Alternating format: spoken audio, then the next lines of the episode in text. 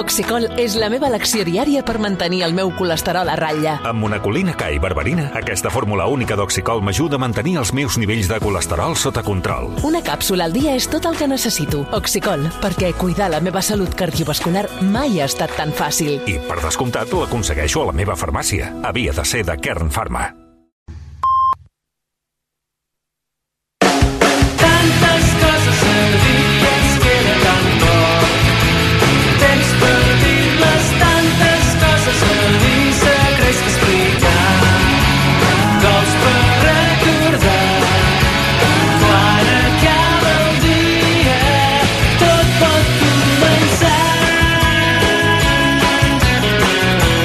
Diràs, amb Aleix Pariser.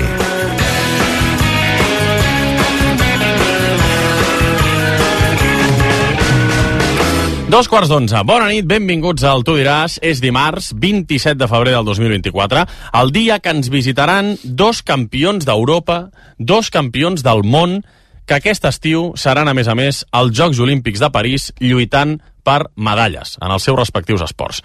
Un juga al Barça d'handbol, n'és el capità, de fet, actualment, és francès, i es diu Dick Amem, un dels millors jugadors del món d'handbol avui passarà pel Tu diràs. I l'altre juga a waterpolo, concretament a l'Atlètic Barceloneta, i en els dos últims mesos s'ha proclamat campió d'Europa amb la selecció espanyola de waterpolo masculina i s'ha penjat també la medalla de bronze als Mundials de Natació de Doha. Dos cracs que tenen un do amb la pilota a les mans i que avui visiten la nit esportiva de Catalunya.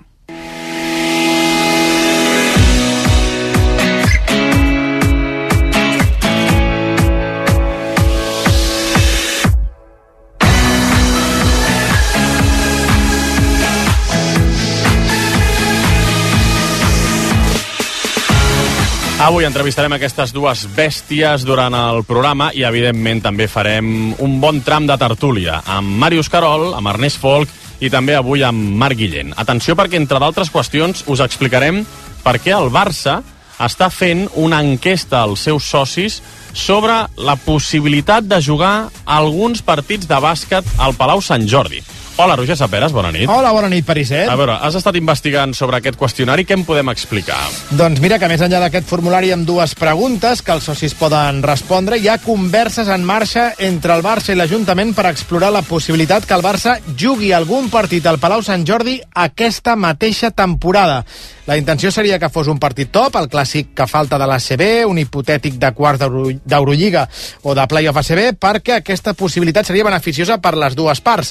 El Barça, perquè si és capaç d'omplir el Sant Jordi aconseguiria més ingressos, la seva capacitat doble la del Palau, i també per l'Ajuntament perquè promocionaria la candidatura de Barcelona per acollir una Eurolliga, una Final Four d'aquesta competició. Per tant, converses en marxa, tot i que encara no hi ha res absolutament decidit. S'ha de parlar del preu que pagaria el Barça i dels calendaris per encabir aquests partits entre els compromisos que ja té agendats al Palau Sant Jordi. Doncs molt de compte, eh? molta atenció, perquè, com explica el Roger, no és un qüestionari o un formulari del Barça pensant en un futur, en un futur Palau Sant Jordi, en la construcció eh, d'un nou, nou Palau Blaugrana, vull dir, no? per poder marxar al Sant Jordi, sinó que hi ha la possibilitat, ara mateix s'està explorant, no? converses en marxa entre Barça i Ajuntament, i s'està explorant l'opció de poder jugar algun partit del Barça de bàsquet aquesta mateixa temporada al Palau Sant Jordi. Després ho ampliem. Roger, fins ara. Perfecte, fins ara. Per cert, tot això el dia en què Mundo Deportivo també ha explicat que Abu Dhabi és molt a prop de quedar-se les tres pròximes Finals Fours de bàsquet. És a dir, que Abu Dhabi es quedaria la Final Four del 2025, la del 2026 i la del 2027. Això vol dir que Barcelona, la ciutat de Barcelona, quedaria fora de la cursa per acollir la Final Four del 2025, que és la intenció que tenia l'Ajuntament de Barcelona, que el Palau Sant Jordi precisament acollís la Final Four de bàsquet del 2025. Segons aquesta informació de José Ignacio Huguet, del company José Ignacio Huguet a Mundo Deportivo, Abu Dhabi pagaria 75 milions d'euros per acollir les tres pròximes Final Fours, 2025, 2026 i 2027. En temps de tertúlia ho ampliem.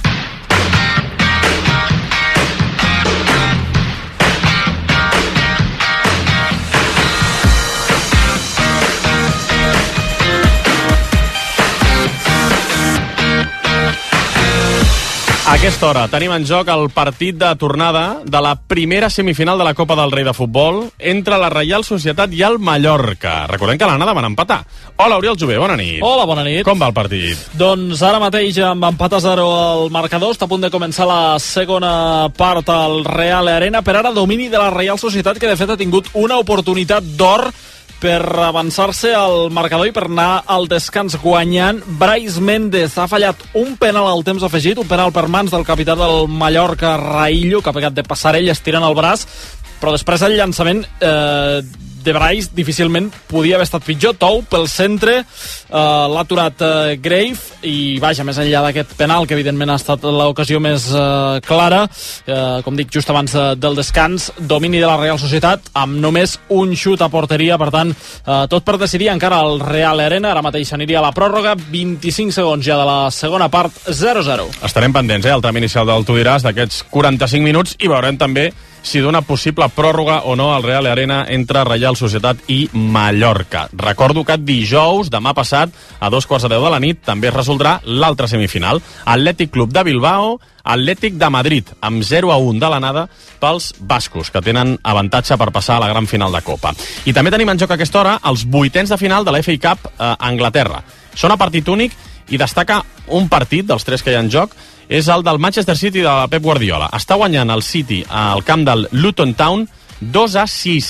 2 a 6 com aquell marcador tan magnífic del Bernabéu, en aquell Madrid-Barça.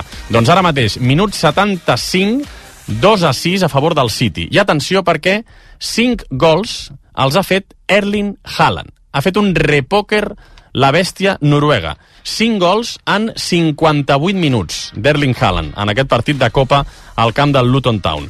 És a dir, que Haaland ha marcat cada 12 minuts ha fet un gol en aquest partit. Els quatre primers, assistència de De Bruyne i el cinquè, assistència de Bernardo Silva. 2 a 6 està guanyant el City al tram final de partit amb repòquer d'Erling Haaland, el sisè l'ha fet Kovacic. Tindrem un ull posat també en aquest partit a veure si el City es classifica pels quarts de final de la FA Cup. I a més a més, hem de sentir el president de la Lliga, Javier Tebas, parlant dels vídeos que fa Real Madrid Televisió contra els àrbitres. El president del Barça, Joan Laporta, que avui ha assistit al Mobile World Congress aquí a Barcelona. I us hem d'explicar l'última hora de la lesió de Ferran Torres. I a més a més estem pendents d'un sopar que s'està produint en aquests moments al Palau de l'Elisi que és la residència oficial del president de la República Francesa, Emmanuel Macron. És un sopar amb Macron, l'emir de Qatar, Nasser Al-Khelaifi i Kylian Mbappé.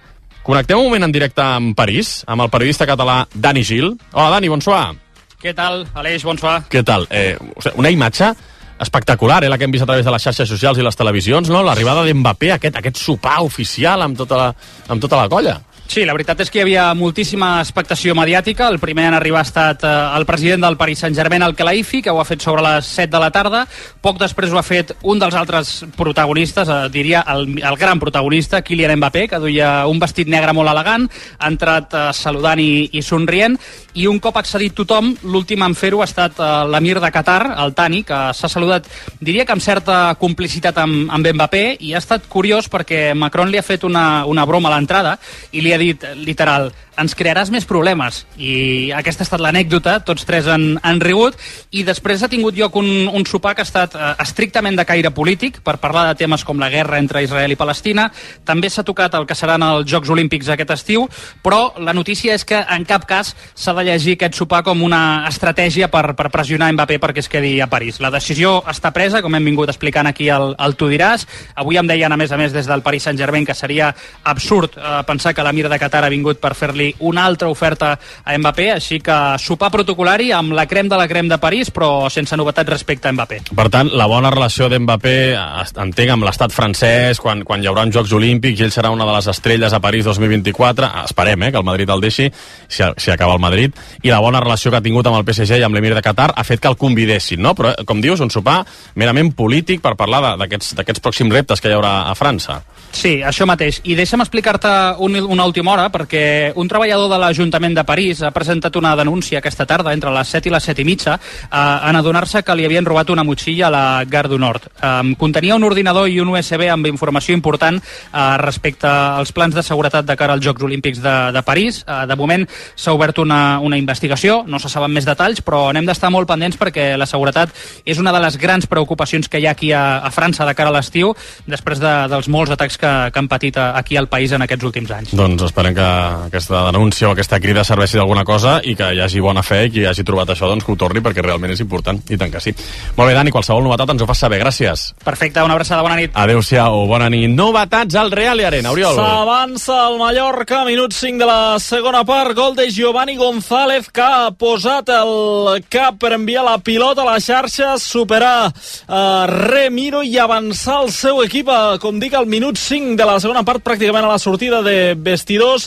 Servei de banda des de l'esquerra, pilota que ha servit cap a l'esquerra, diria que ha estat Dani Rodríguez, la centrada el... i la rematada al cor de l'àrea de Gio González. Per tant, minut 50, com diem, s'avança el Mallorca, el Real Arena, Reial Societat 0, Mallorca 1. Sorpresa, ara mateix el Mallorca jugaria a la final de Copa, però encara queden molts minuts. 10 i 40, fem una petita pausa i de seguida ens visita un dels primers protagonistes d'avui al Tu diràs. I després obrirem tertúlia amb Màrius Carol, Ernest Folk i Marc Guillén.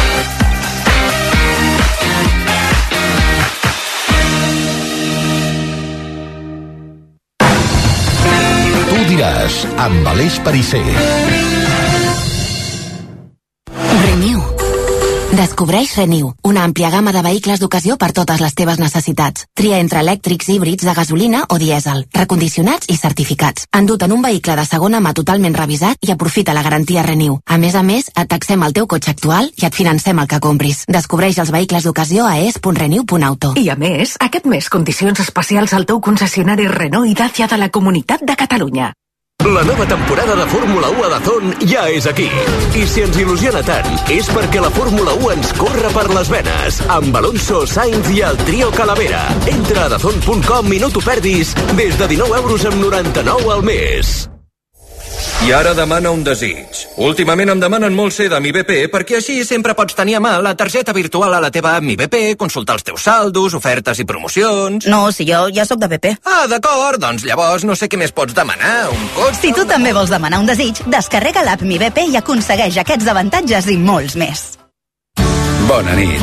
En el sorteig del cupón diario celebrat avui, el número premiat ha estat 13.296 13296 Sèrie 23 023 Demà, com cada dia, hi haurà un venedor molt a prop teu repartint il·lusió.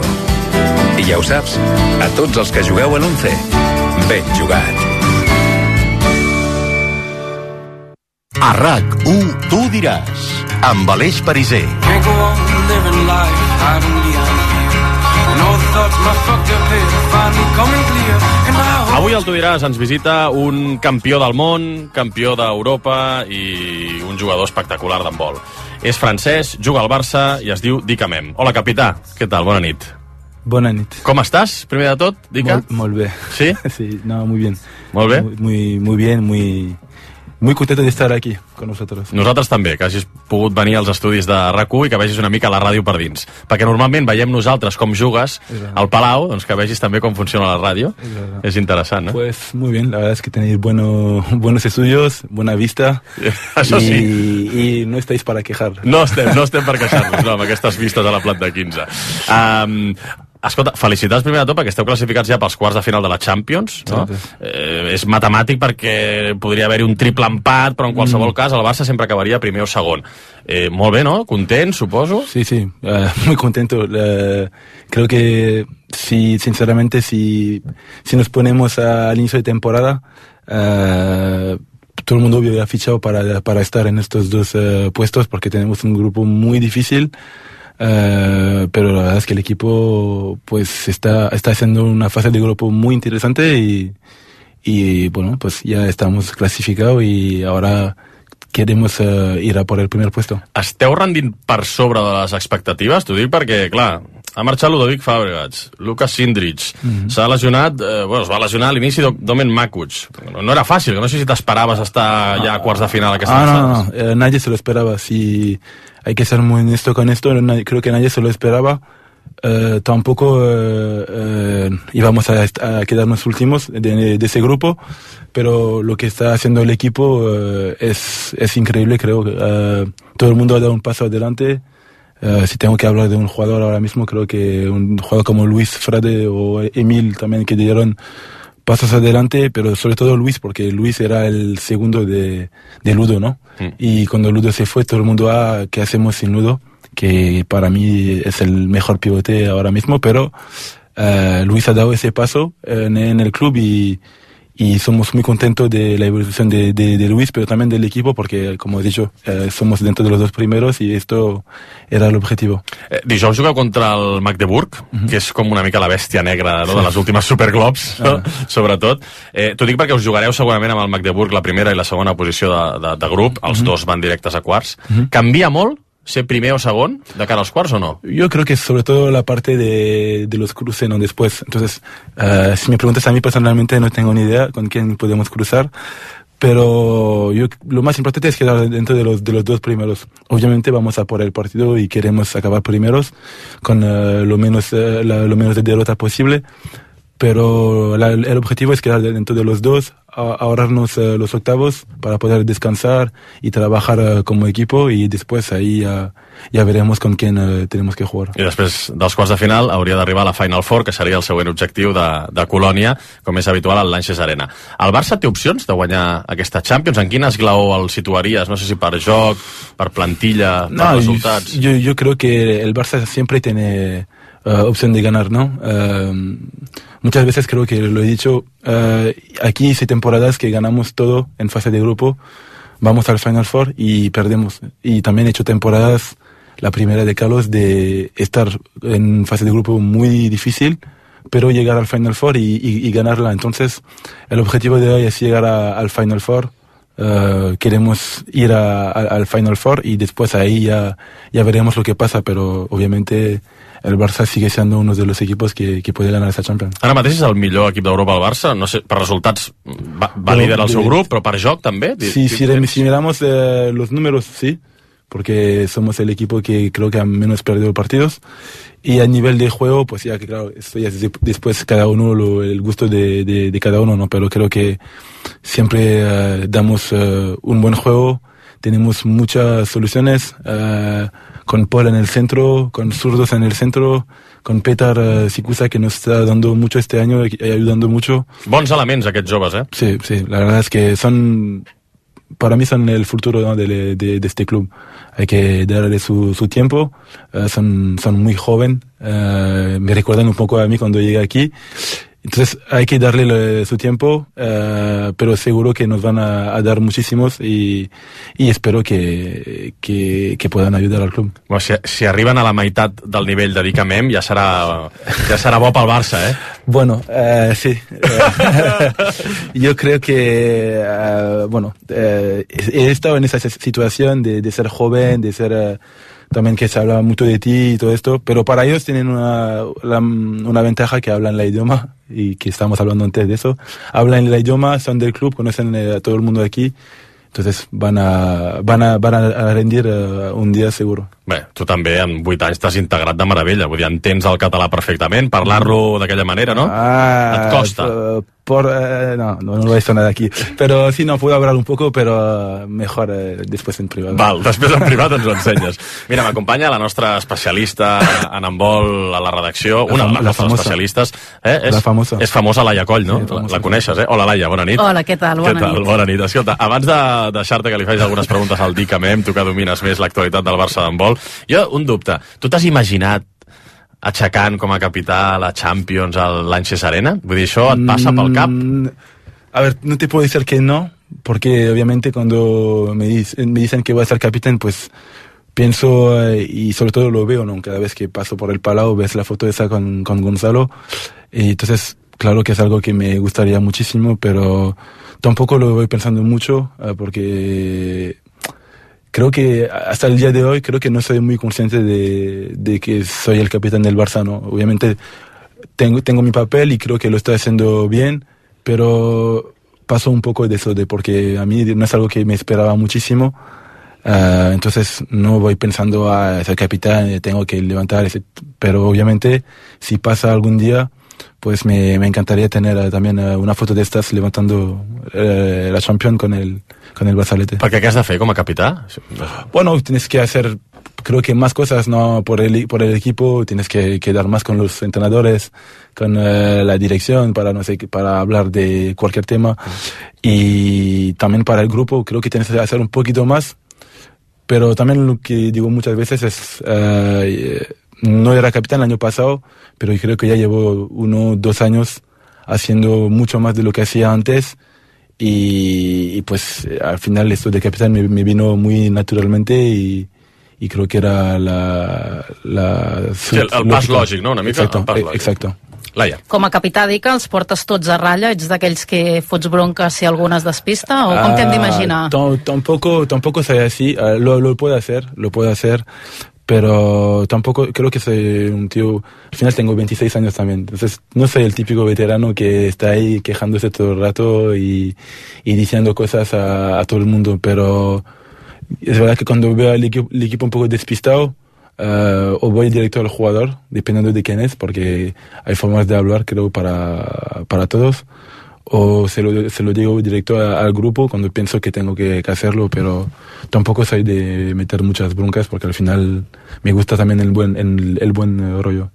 No descobrirem ara com ets com a jugador, la teva importància en el Barça, en els èxits aconseguits a, a l'últim any, però sí que la sensació que aquesta temporada, que era difícil, eh, amb la marxa de jugadors tan importants, ho hem dit abans, el Ludo, el Luca, que tu has fet un pas endavant en responsabilitat i un dia Ortega, i em va agradar molt eh, va dir que tu t'havies posat la capa de superheroi a aquest equip Mm. i sobretot al principi de la temporada tu vas tirar moltíssim de, de l'equip et sents amb més responsabilitat des que ets capità en aquest sentit?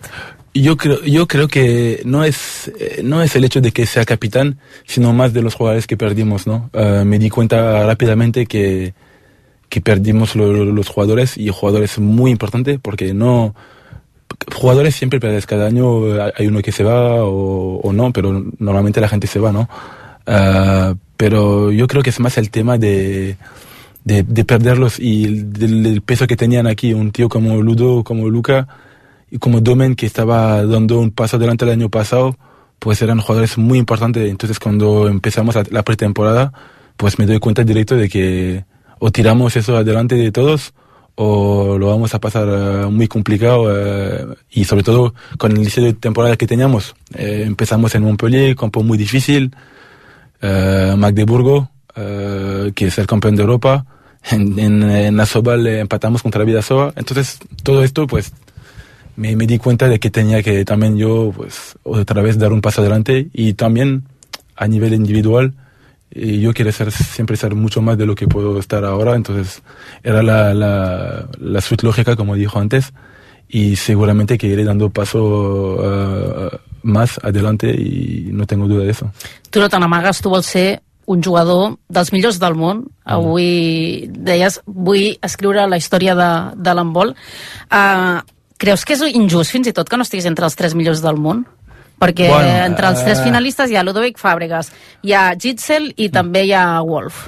Jo, Bueno. trobo, jo et trobo a faltar. Eh, bueno, eh, y a, tú, a ti y a muchos, pero es así. eh, me, no te voy a decir que me da igual, porque no me da igual, obviamente. Me, me hubiera gustado, por, por supuesto, estar ahí.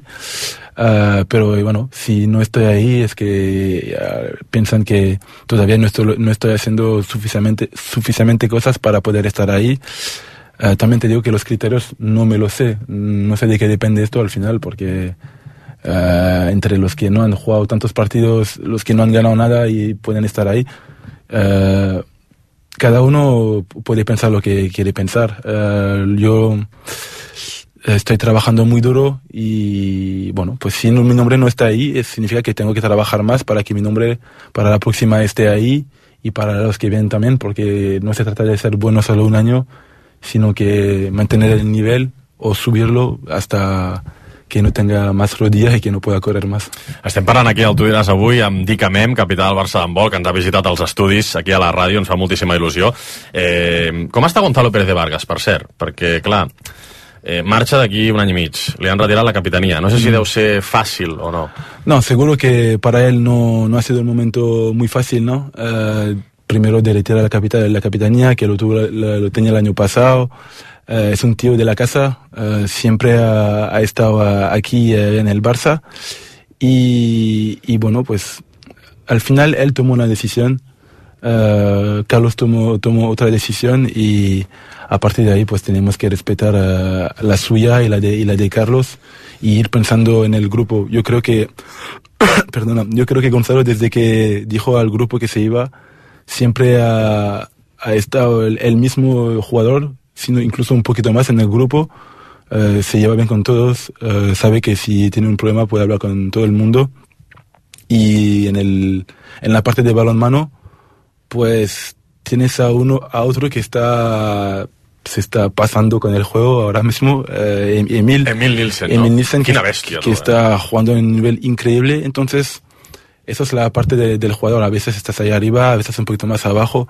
Pero Gonzalo sigue siendo Gonzalo. Estará seguramente dolido un poco y, y yo creo que se va a dar cuenta aún más adelante cuando se va a ir realmente, porque todavía le queda un año aquí.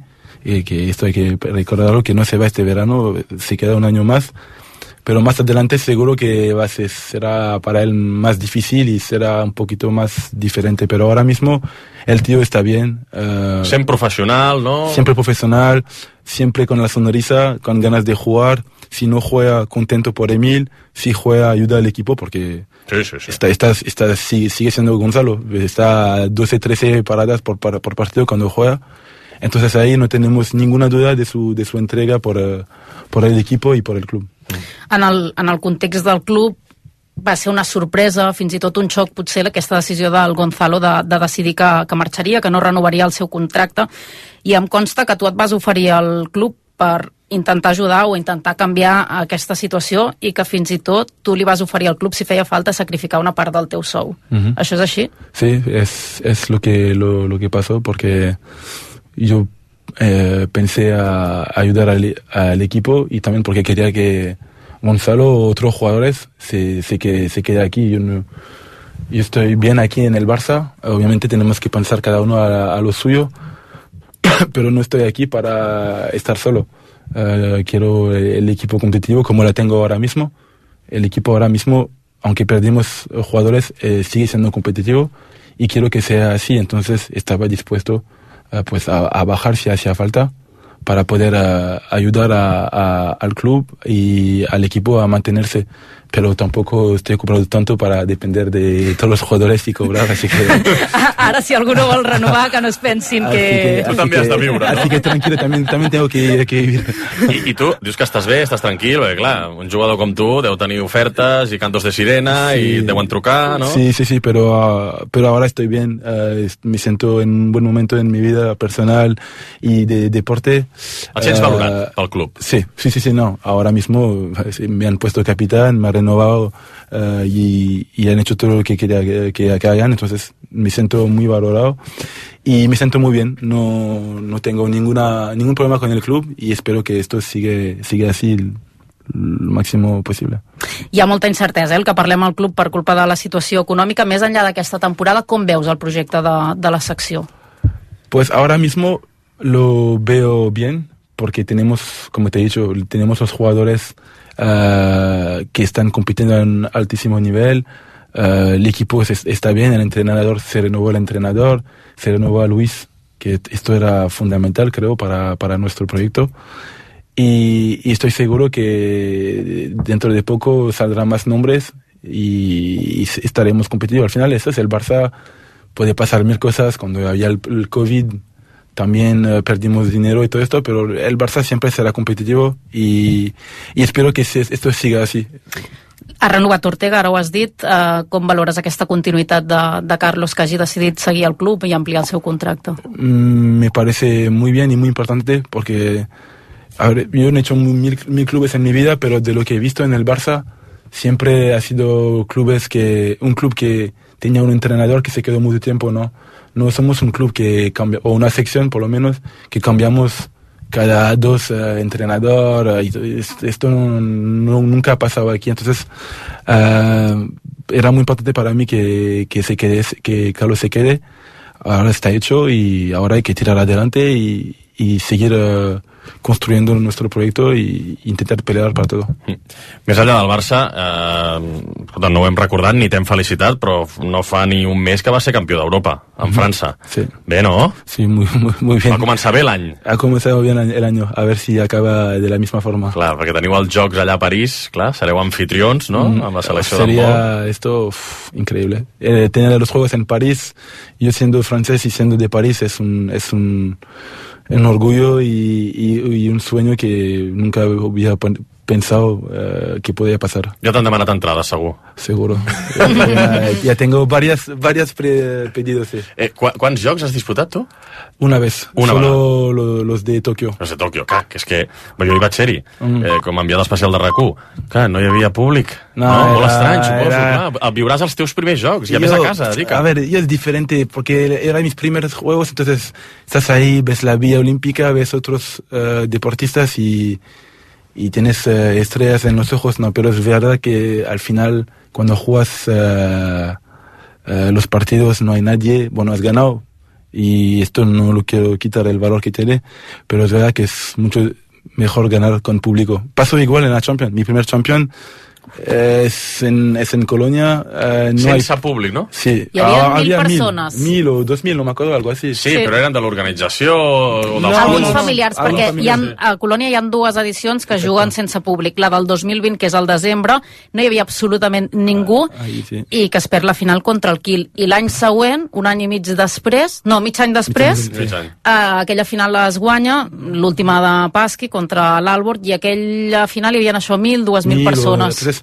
Era también igual, bien, pero tú has visto en la tele o en YouTube eh, videos con la gente a tope y todo, entonces ves eso y dices, "Uf". entonces cuando gané, gané la, la segunda con Carlos, ahí sí que me he dado cuenta de lo que es ganar una Champions en Colón con todo su, su magia, ¿no? Que bé, tant de bo vagi bé, no? Suposo que tindreu més pressió França jugant a casa, però tant de bo vagi bé, també.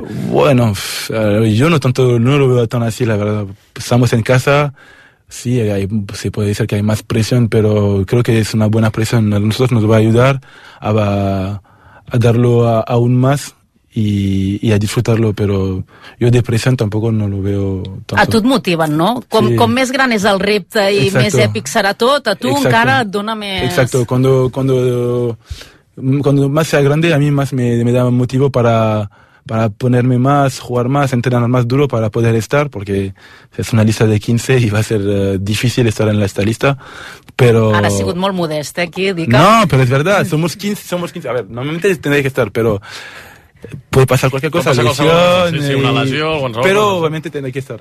I segurament l'últim gran campionat de Karabatic a, en França, que Ai. això també és un, un valor afegit. Sí, sí, sí. Esto también, eh, a ver, eh, a él no le gusta mucho que digamos que vamos a jugar por, para, para, para él o estamos intentando ganar para él, porque no, no le gusta nada esto, pero es verdad que va a ser algo muy especial eh, poder estar un, su última competición en casa, que los juegos mm, cada- cuatro años en París va a ser para él y para nosotros algo muy especial y espero que podamos ganar esa competición para nosotros, pero también para él. Ho seguirem, ho seguirem. Uh, anirem acabant la conversa. Dica, eh, és molt millor que anar al dentista, per exemple, venir a rac no? Ya, y ma- mucho más rápido y no tanto dolor. Bueno, depende de las preguntas de Laia. ja li ha fotut. Eh, no, eh, per anar acabant, tenim un, un test, eh? pregunta ràpida, resposta ràpida, eh, que ens farà la nostra estudiant en pràctiques. Vale. Tenim estudiants que venen a fer pràctiques de periodisme aquí a la ràdio, és la Balma Simó. Hola, Balma. Hola, Dica, bona Hola. nit. Què tal? Bona nit. Eh, és una gran fan de l'handbol, li agrada molt l'handbol, li agrada molt el Barça d'handbol, i ha dit, escolta, em deixeu preparar-li un test al Dicament, Vale. i t'ha preparat un test. Abans del test, Balma, jo una pregunta. M'han explicat que vas començar a jugar a handbol amb 13 anys, Sí. i que el primer dia que vas anar a entrenar, no et va agradar o què? No, no, no me gustó. No me gustó nada porque no sabía las reglas, la gente se reía de mí porque no podía, no sabía tirar y no me gustó, ese día no me gustó nada. Pero va ser això? En eh, Francia, en eh, donde soy, eh, Aubonne se llama. Pero ahí, no, no me gustó nada, nada. Y al final, pues, comió, ahí comió la, la I, idea. I tu què feies abans, fins Nada. als 13 anys? Jugaves a bàsquet, a futbol, a què? Nada, jugaba, pero fuera.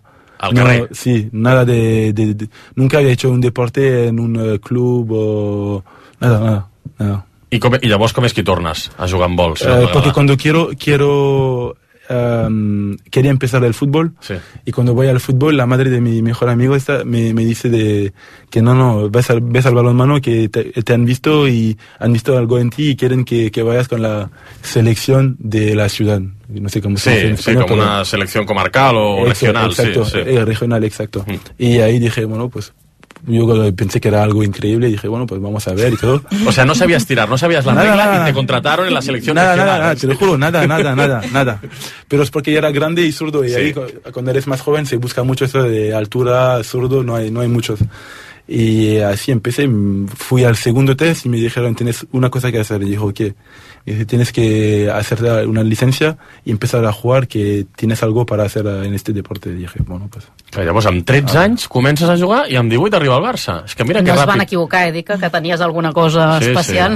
sí. Ho van veure, ho van veure. Eh? Un talento, un don, eh? Tenia Pare- Dicamem, parece, eh? parece. parece. Parece. Bé, Balma, a veure, el test per Dicamem. Res, li faré 10 preguntes ràpides, però primer de tot he de, dir que dels primers part- partits que va jugar al Palau vaig anar-te a veure perquè jugava al Gavà en vol i la veritat que ja se't veia que tenies alguna cosa especial, Veus? que series Ah, sí? una estrella, sí. Veus? Ja Sí, t'ho veien sí. aquí també, fins i tot, imagina't, eh? Quan El tenies res, eh, 18 anys. Doncs res, la primera pregunta és, a part de l'handbol, quins altres esports segueixes? Eh, el básquet, el, el fútbol, pero el, si te digo de decir uno es el básquet. I vas bastant, de fet, al Palau. Sí, sí, sí, voy, voy mucho. De hecho, eh, mañana, el, El viernes, viernes, El viernes, sí. voy, a, voy a sí, ir sí. a contra Mónaco. Sí. Tens algun ritual abans de jugar algun partit? Un partit? Mm, ¿Alguna manía o alguna cosa, no? No, no, no, no tengo algo muy... Hay gente, yo he visto gente hacer cosas muy especial y yo no, no, no tengo tanto... Es verdad que siempre hago... Tengo mi estiramiento primero, después me, me, me cambio y voy a jugar fuera con los compañeros al, a los dos toques, al juego de los dos toques que nos graban. Pero algo personal como... ¿Qué es? Perdona, perdona. futbito. Eso de dos toques, eh, tenemos una bola de balonmano y vamos jugando, tienes que hacer dos toques con, con los pies. Si lo- Ah, con los pies, eh? Con los pies, y si la pierdes, eh, pues tienes que hacer flexiones. Està bé el joc, és divertit. A quin jugador d'altre equip fitxaries pel Barça? Ah, eh? eh, eh, me gustaría, la verdad es que me gustaría jugar con Sagosen. Sagosen. Sí, me gustaría, me gustaría jugar bon con, gust, té bon Sí, gust, eh? sí. Me gustaría jugar con Sagosen porque creo que podríamos tener una conexión muy especial. El que passa que aquí potser el club et diu que et baixis tu el salari tots els de l'equip per poder-lo pagar. T'ho dic. Ahí ya más complicado. Ahí más complicado. Millor amic dins del vestuari. Um, me llevo muy bien con todos, entonces es muy difícil decir esto, uh, pero porque estamos en la misma habitación diría Lesh y te- somos la misma generación, uh, somos la mi- misma habitación y, y es eh, Aleix, sí. Ha de ser una habitació divertida, eh? Sí. De veure algun dia. Intensa. Qui es deixa més coses als hotels, tu o l'Aleix? Aleix, Aleix, Aleix. És més despistat, no? Val. Despistado total. És de Sabadell, no m'estranya. No? Sí. Digues, Balba. Quin és el títol que guardes amb més bon record? Um, yo, yo diría, lo- creo que el europeo.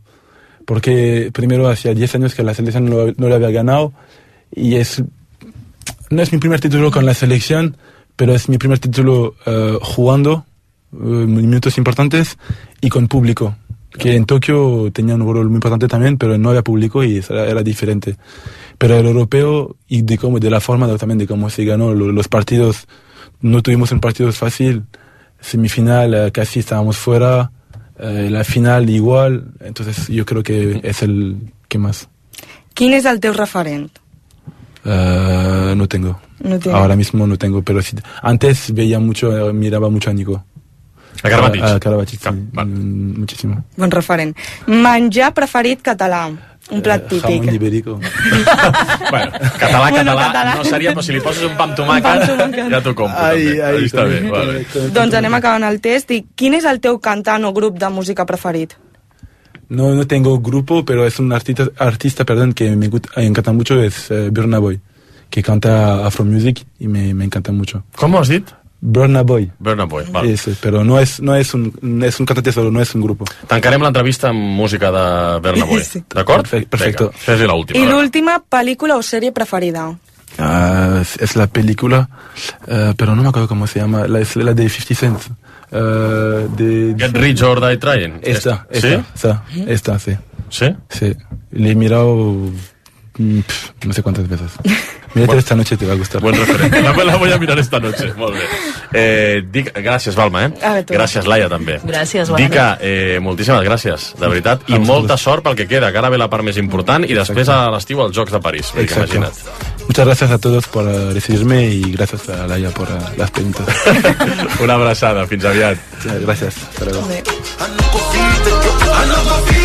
I know I'm in trouble. She manipulate my love. Oh. I know holy and I know that get both. Like the Baba Frayo. My ayo. Don't cry yo. Go and shayo. And Aquesta és la música que li agrada a Dica Mem, el capità del Barça d'handbol, que avui ens ha visitat aquí als estudis de rac Borna Boy és uh, aquest cantant que li agrada a Dica Mem i la pel·lícula que ens ha recomanat, si la voleu veure, Get Rich or Die Trying, de 50 Cent una pel·lícula que ella ha vist moltíssimes vegades. Hola, Màrius Carol, què tal? Bona nit. Bona nit. Hola, Eh, Ernest bona nit, bona nit. Bona nit, què tal? Hola, Marc Guillén, què tal? Tu pots escoltar una cançó moltes vegades, veure una pel·lícula moltes vegades, no sé. No ets, no, no ets d'aquest tipus Jo, de so, persones. jo, jo tinc Hola, Marta, què tal? Hola, bona nit. Bona nit, Marta Ramon, Eh, també. Jo tinc pel·lícules que són una mica com el, els menjars casolans que et fan sentir bé.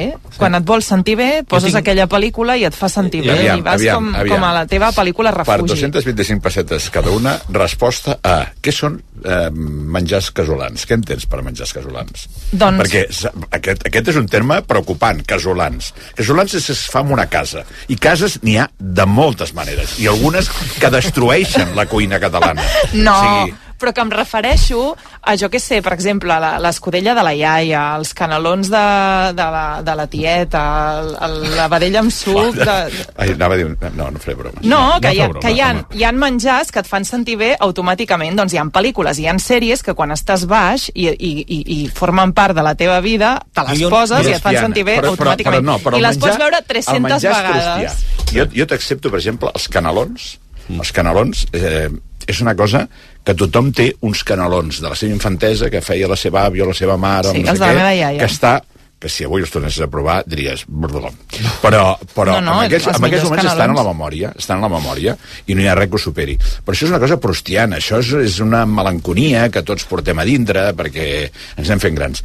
Eh, cuina catalana ben feta és dificilíssim de trobar en aquests moments. Cuina casolana eh, hi ha molt poca gent que les faci molt poca gent Bé, tot això, la pel·lícula d'aquest Rich or Die Try de... I, i, i, la, i la pel·lícula aquesta de casolana no té t'ho res. dic jo Jo sí que hi ha una pel·li que he vist fins a l'infinit. Sí, quina és? Una. Quina I a més és? una pel·li que no coneix ningú. Es diu. El tren.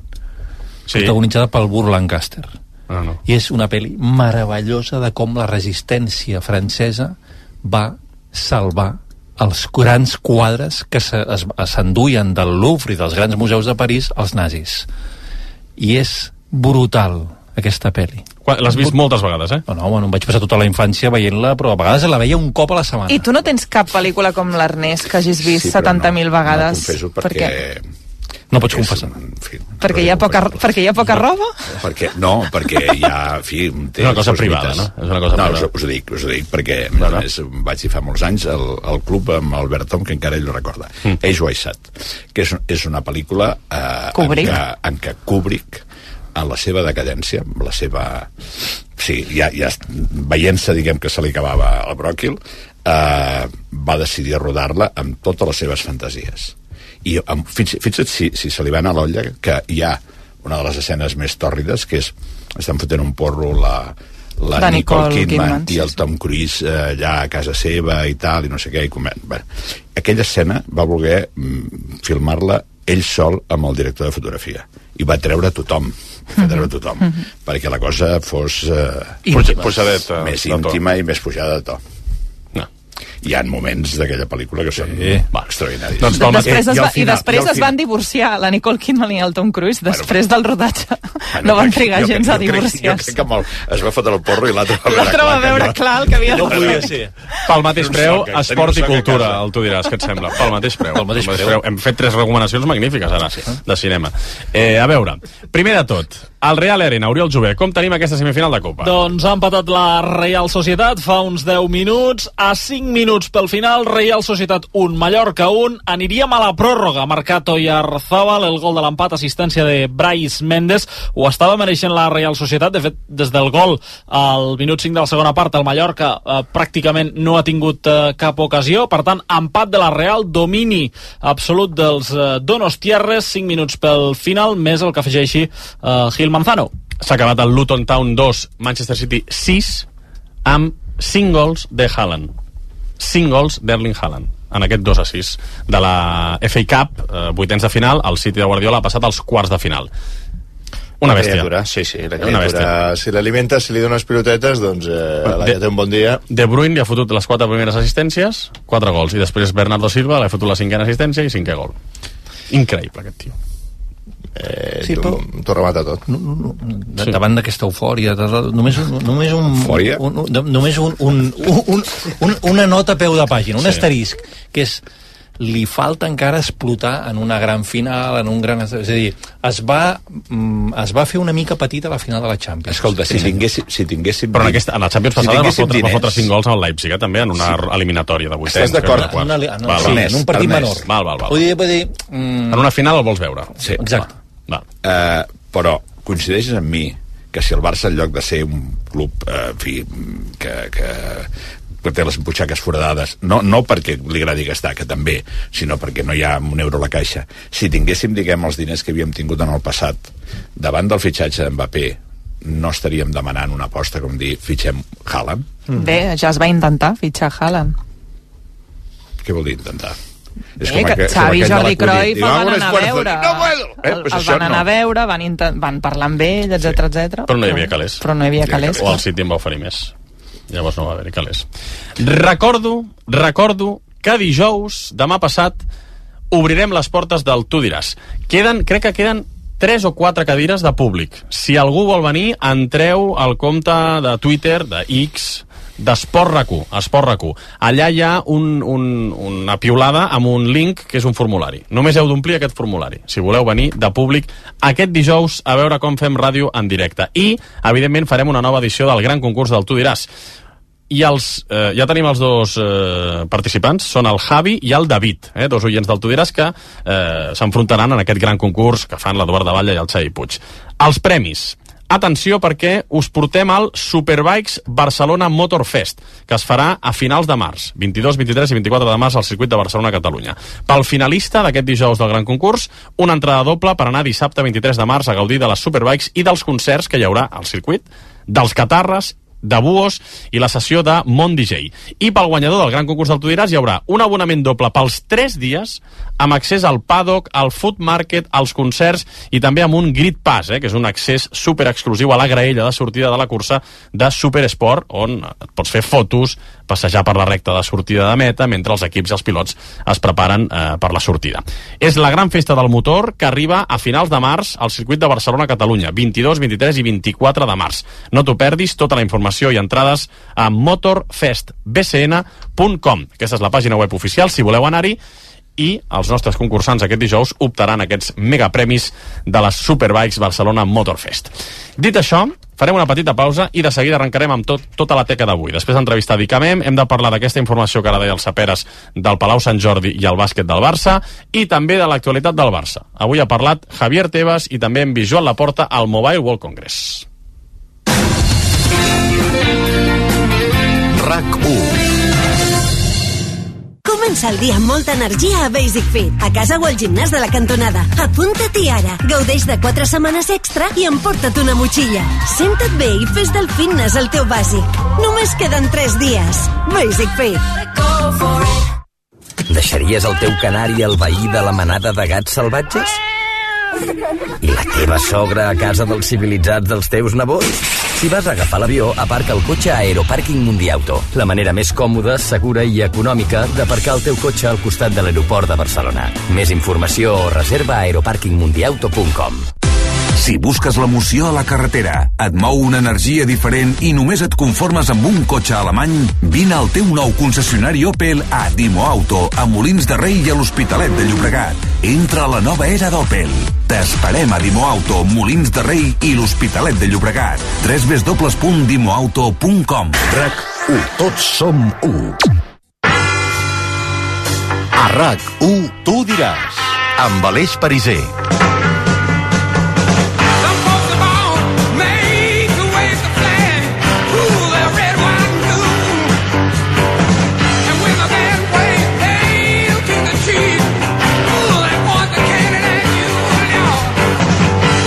Aquí seguim, amb Màrius Carol, Ernest Folk i Marc Guillén, també amb la Marta Ramon, amb el Roger Saperes, amb l'Oriol Jové, amb un ull posat al Real i Arena. Continua l'empat a un? Sí, falten 30 segons per arribar al 90, veurem quan afegeix Gil Manzano, però ara mateix aniríem a la pròrroga. Real Societat 1, Mallorca 1, tots dos gols a la segona part. Hem entrevistat Dica Mem, el capità del Barça d'handbol. Ja són els quarts de final de la Champions. És una de les seccions que té opcions, eh?, de guanyar la Champions. El futbol sala està a la Final Four, veurem l'handbol, té bona pinta.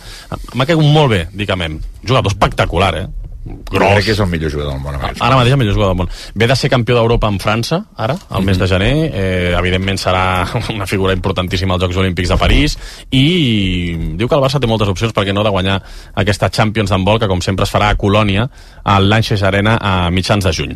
Ara que parlàvem de, de, del Barça d'handbol i que hem entrevistat Dicamem, eh, que per cert, per cert, ens ha donat una de les informacions que no sabíem o com a mínim l'ha confirmat, que va oferir baixar-se el sou perquè es quedés Gonzalo Pérez de Vargas que el porter González Pérez de Vargas al 2025 se'n va al Kiel perquè li pagaven més calés. I ell ha dit que es va oferir al club a baixar-se el seu sou. Eh, no, va, no va fructificar aquest oferiment. Que anaves a dir alguna cosa? No, no, primer anava a dir bona nit. Ah, sí, no, sí, no, que, no, com que t'havia saludat a l'inici del programa no, dic, no, no, volia ja fer ja et dono per una invasió de camp anava a dir que m'ha recordat a Leo Messi que no va voler venir perquè va dir que això implicaria que alguns companys haguessin de reduir el seu salari. Mm. Sí. Recordes aquella entrevista Sí, que sí, li van sí. fer al, Sí, sí. al Mundo Deportiu i al Diari Esport? Va tens raó. Sabia que s'haurien d'ajustar salaris de companys, però no volia que fos així, que jo fos el culpable d'això. I mai sabrem, per cert. El tema Leo Messi... Quin meló té obert, A perdó. veure, Sape, Quin què has perdó, fet? Perdó, Què perdó, has perdó, fet? perdó. M'interessa i m'indigna parts iguals. Uh, però, ara que dius això del sou i Leo Messi, mai sabem uh, per què no se li va oferir jugar a un sou molt baix o gratis, perquè ell, com recordeu, el dia que se'n va anar del Barça, aquell funest 5 d'agost del 2021, uh, va dir que ningú uh, li havia ofert uh, baixar-se el O sou jugar gratis ni, o baixar el sou, ni, sí. ni jugar gratis Ho i recordo. encara no tinc la resposta perquè no se li ha preguntat aquesta pregunta mai a Joan Laporta mai ningú li ha preguntat per què no se li va preguntar això a Leo Messi Però, ja està queda aquí, queda aquí la pregunta No, sí, la sí. porta el que va fer en el seu dia és dir si la Messi hagués volgut jugar gratis ell va deixar aquesta No. porta oberta El després ha la passa història de la Lliga que, és que la Lliga no, deixa la Lliga no es t'ho deixaria fer. no es creu que tu l'inscriguis Et faria com a. Joao Fèlix, com a Joao la, Fèlix, la saps? Lliga té, té, amb la normativa a la mà i amb, i amb el que recompta el comitè de valoració i el comitè de validació de la inscripció dels contractes el, el que fa és fer una, entre cometes, comparativa del que has estat eh, ingressant com a salari els últims anys. Aleshores, no es creu que, que tu li paguis eh, zero o li paguis eh, un sou microscòpic a algú que ha estat eh, Potser li guanyant... pots baixar un 50% per exemple Bé, t'hau- t'haurien de, de calcular. Això t'hauria de, t'hauria això- de comprar això, la això passa Lliga. a tots els països. Passa a tots els països, és una cosa domèstica. Ernest, Joao Fèlix Perquè, és a dir, van dir que cobrava algú pot 400.000 dir- i la Lliga va dir no, 3 Algú pot dir milions. quan quadra el Paris Saint-Germain els números, ja, ja no dic el Manchester City per, per no ofendre a ningú, que tinc amics allà, però vull dir-te, el Paris Saint-Germain, el que ha arribat a gastar, eh, i algú mai li ha dit, escolti, vostè no compleix el fair play Això, financer. però això hauria de calcular la UEFA ja. No, però està clar que això... Val, vol, dir, vol dir que aquest és un tema domèstic, és a dir, Mm. eh, De totes maneres, ara ve, vindrà un, una reforma a la, a la UEFA de fair play financer que farà que es, es, es reguli, almenys aquesta és la intenció, és una declaració d'intencions, ja veurem Sí, què sí. passa, que es posaran seriosos amb el compliment del fair play financer i i intentant i uniformitzar mm, totes les normatives a totes les lligues eh, Inclòs, professionals. inclosa la dels països del golf. Mm. No, home, no. no. De moment seria la UEFA només. Sí, allà, allà hi ha d'haver fair play, ja... Pues, pues clar, és que aquí, es, o sigui, un, un país que... En fi, és igual, no em feu. Bueno, Rebentaria tot. presa de pèl. Què, què volies dir? Que No, no, no. Vull reconduir-ho cap a on jo vull anar, val? com a director del deu però digues, minuts. digues, És que tu, la, de, la de temes que estan Sí, sortint, sí, eh? sí, La de sí. temes. Massa temes. esteu traient vosaltres. Sí, sí. Tu no has col·laborat, tu no has col·laborat gens. Eh? No. Tema Messi, sigut. Ell ha fet una comparativa Messi-Dicamem i aquí ha reconduït en tot. Jo em senyeixo ja jo, el que tu anuncio diguis. que cada vegada que en aquesta tertúlia algú pronunciï el nom de Leo Messi, jo faré parar les màquines. Ja us ho dic. M'encanta, Ernest. Sí, ja us ho dic. Perquè estàs indignat, no? Estic indignat. Sí, i què vols fer? No, res, indignar-me. Bueno, Puc fer res més. Marc, perdona, què volies dir? No, no, és que ja queda una mica però fora de lloc ja, però sí, no, és- estava, anava a parlar del moment aquest de que la Lliga posa, posa una normativa molt, molt estricta amb tema, tot el tema del fair play, vull dir que eh, per intentar evitar certes trampes comptables doncs bé, es, es passa una mica a la ratlla. Recordo un cas molt més flagrant que qualsevol d'aquests que comentéssim ara amb Messi, el Reus, quan baixa, Isaac té Cuenca. Isaac Cuenca, Sí, sí. que volia jugar gratis i no el van deixar No jugar, van i es va passar mig any sense jugar perquè el seu club no el podia pagar, perquè acabaria baixant el club perquè no tenia diners, i ell va dir, d'acord, doncs si no hi ha diners, jo sóc de Reus, abans de quedar-me sense jugar, deixeu-me jugar gratis, i no el van deixar. Mm. I es va quedar sis mesos entrenant, Que la Lliga perquè no, no el es creia, no es creia que no, no cobraria res. I la Lliga, la Lliga es creurà el sou de Mbappé, no? I el que li ha costat del Madrid Sí, Mbappé. però Això s'ho creurà. però un moment, sí, Màrius, El Màrius, soci aquest del Madrid és que veritat. presideix la Màrius, Lliga del Futbol Màrius, si Professional el s'ho Madrid, creurà. si l'altre dia van sortir, el Madrid té, pot fer una plantilla de 700 milions d'euros i el Barça de 200 milions. Sí, però és que que part- 500 milions de diferència, però pot que, fer el que vulgui el que el Madrid. t'està dient el Màrius és que, li, eh, segons ja ens han explicat, no? o a la premsa ha sortit, que cobrarà un sou bàsicament el mateix que estan cobrant els jugadors que cobren més a- al Real Mm. Madrid. I això, ho sento, però jo també ho poso molt en dubte. Bueno. Aquest jugador el cobrarà molt més, el que passa és que cobrarà molt més amb drets d'imatge, amb, uh, amb altres coses que això teòricament la Lliga no hauria de permetre, perquè justament aquesta norma del fair play va per això. Sí. O sigui, si Messi no se li permetria cobrar a zero, seria justament això, perquè ells el que et venen a dir és de dir, no, és que clar que li pagaràs, li pagaràs per un altre costat. Això sí, I si és Tebas faran avui ens ha perdonat, ha vingut aquí al mobile, ens han perdonat la vida, i tots contents. ara el sentirem, a Tebas. eh, que el Barça puede ganar todavía la Liga y tal, porque no sé qué, yo he visto cosas muy grandes. Ara el Ja no- sentirem. crec que ja no cal que- No, No, ara el sentirem. No que- home, no cal que tirem el De debò, que em donguin peixet a la meva edat, Ja prou ja, prou, prou, prou. Ara el sentirem. T'agradaria ser a l'Elisi en, el, en, el, en el sopar aquest? T'agradaria ser en el sopar aquest de Macron, Mbappé, el Kelaifi, l'Amir de Qatar, el Tani... Eh, dec dir que he Seria estat, interessant, he, eh? he estat a les portes de l'Elisi. El que no em van deixar, de, deixar és seria fer la passa definitiva. Allà seria interessant. la porta que no. Fota l'orella, allà seria interessant. Sí. A veure què passa. A veure, novetats al Real Arena? S'ha acabat el partit, es decidirà la pròrroga qui passa a la final, el primer finalista, si serà la Reial Societat o el Mallorca. En recordo, 1 a 1, eh, s'ha avançat el Mallorca a la sortida de vestidors després del descans amb una rematada de cap de Gio González, única rematada del Mallorca entre els tres pals en tot el partit. La Reial Societat ha empatat al cap de 20 minuts mitjançant Oyarzábal, han dominat els eh, donostiarres, però de moment eh, l'únic que han aconseguit és eh, traslladar el partit a la pròrroga. Per tant, 30 minuts per endavant i si no, tanda de penals al Real Arena. Ara escoltem Javier Tebas eh, i parlem de l'actualitat del Barça. Però primer, és que avui, eh, us, us ho explicàvem a l'inici del Tu diràs, hem sabut que el Barça està fent arribar enquestes als socis, no sé si us han arribat, Sí. Mario, sí, preguntant pel bàsquet i pel Palau Sant Jordi. Bàsquet i Sant Jordi. Eh, Què pregunten concretament, Roger? Doncs res, és un breu formulari amb dues qüestions. Si el soci en qüestió és abonat del Palau i la més interessant, la segona pregunta, te la llegeixo literalment. En condicions de preus similars a les actuals, estaria disposat a anar al Sant Jordi en alguns partits importants? Les possibles respostes, segur que sí, probablement sí, probablement no, segur que no. Has contestat, tu, com a soci? no perquè entre altres coses no he contestat perquè no ho sé. És que a mi el, el Palau Blaugrana ja sé que és la bombonera i tal, a mi em deprimeix. Jo entro allà i em deprimeix. No m'entren ganes ni de prendre'm un Frankfurt, no. Perquè és, és, és com entrar a casa la bruixa. No, el, el, del, del Tibidabos és, és un lloc sòrdid que està fora del temps i de la història. I al Sant Jordi aniries, doncs, o no? Al Sant Jordi, sí, però eh, m'hauré d'agafar una casa a Montjuïc. O sigui, eh, i, i tampoc cal, no? Sí. No hi ha, crec que no hi ha, per construir no hi ha, no hi ha pla per Bueno, construir però- res. Una, hi ha tendes de Hi ha, campanya hi ha gent bastant, que viu, eh? Hi ha, gent- sí, hi ha gent que viu per allà, sí, sí. ja ho sé. Bé, el que podem Però explicar no. a RAC1 sobre aquest qüestionari que estan fent els socis és que, més enllà de l'enquesta, el Barça i l'Ajuntament estan parlant, això és seriós, eh, converses sobre la possibilitat que es pugui fer un partit de bàsquet del Barça al Sant Jordi. Sí, d'entrada deixa'm dir-te que la decisió no té a veure amb un ultimàtum de l'Eurolliga o la construcció del nou Palau, sinó amb una decisió que podria beneficiar les dues parts. El Barça perquè el Sant Jordi dobla la capacitat del Palau, més aficionats, més suport per l'equip, més ingressos, Ara, sobretot punts ara. suspensius, aquest és el tema capital, més ingressos, punts suspensius, si omples el Palau És que, Sant Jordi. És que és més del doble de, Sí, sí, de estem la parlant d'uns cabuda. 8.000, 15.000. L'has d'omplir, eh? Per això, per això, per això dic que tot això de més aficionats, més suport, més ingressos, sí ets capaç d'omplir el Palau Sant Jordi. L'Ajuntament també estaria interessat perquè serviria per promocionar la candidatura de Barcelona. Ja sabem que està en marxa per acollir una Final Four de l'Eurolliga, malgrat aquesta informació que comentarem després també, que avui apuntava de Mundo Deportivo cap a Abu Dhabi, la Final Four del 2025. Més enllà d'aquest interès de les dues parts, Ja prou.